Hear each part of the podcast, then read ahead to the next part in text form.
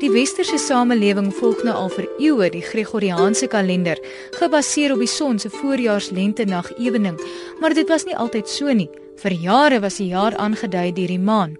Na jare se gepeter aan die kalender, het dinge so bietjie deurmekaar geraak. En om 'n lang storie kort te maak, het Julius Caesar 46 voor Christus 'n nuwe songebaseerde kalender bekend gestel.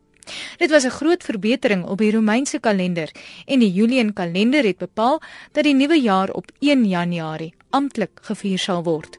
Vir die Romeine het die maand Januarie ook spesiale betekenis gehad. Die maand se naam is afgelei van die Romeinse tweegese god Janus, die god van verandering en 'n nuwe begin. Janus is simbolies gesien as om terug te kyk na die verlede en vorentoe te kyk na die toekoms gekoppel aan die oorgang van een jaar na 'n ander. Dit was algemeen vir familie en vriende om mekaar voorspoed te wens vir die nuwe jaar en geskenke van heuning en vye vir mekaar te gee. En interessant genoeg, hulle het geglo om darm vir 'n gedeelte van die nuwe jaarsdag te werk, aangesien ledigheid niks goed voorspel het vir die nuwe jaar nie.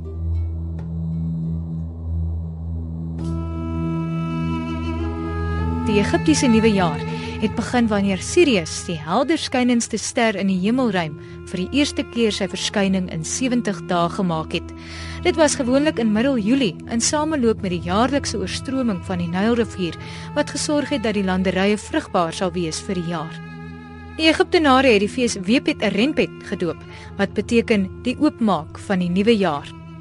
Dit wil voorkom asof die Egiptenare ook die tyd gebruik het om in die wingerd in te vaar, want ontdekkings by die tempel van Mut wys dat tydens die bewind van Hatshepsut, die eerste maand van die jaar, gebruik is vir die fees van dronkwees. Die Chinese kalender is steeds gebaseer op die maan se omwentelings en die vakansiedag word steeds gevier laat Januarie of vroeg in Februarie tydens die maan se tweede winterstilstand. Een van die oudste feeste gekoppel aan die nuwe jaar is die Chinese nuwe jaar wat na oorlewing meer as 3000 jaar oud is. Die fees was oorspronklik om planttyd te vier, maar 'n paar legendes en mites is later daaraan verbind. Volgens een verhaal was daar die bloeddorstige kreatuur Nian, vandag steeds die Chinese woord vir jaar wat stede verwoes het en op dorpe geteer het op elke nuwe jaarsdag.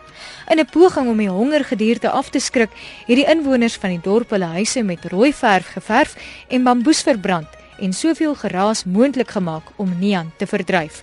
Dit het skynbaar gewerk en die helder kleure en ligte geassosieer met Nian het later deel geword van die feesvieringe.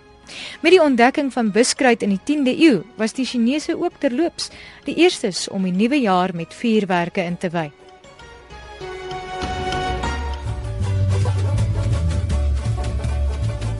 En dan is daar natuurlik die tweede nuwejaarsviering in Suid-Afrika.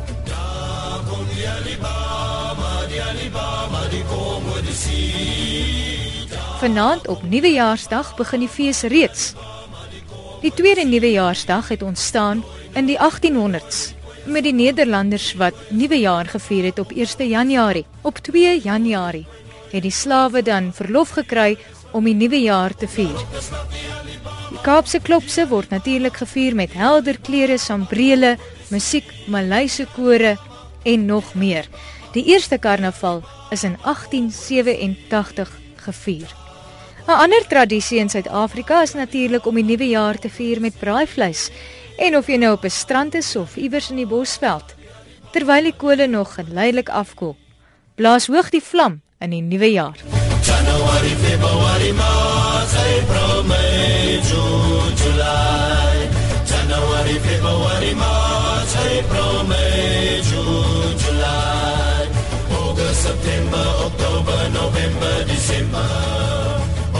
September, October, November, December.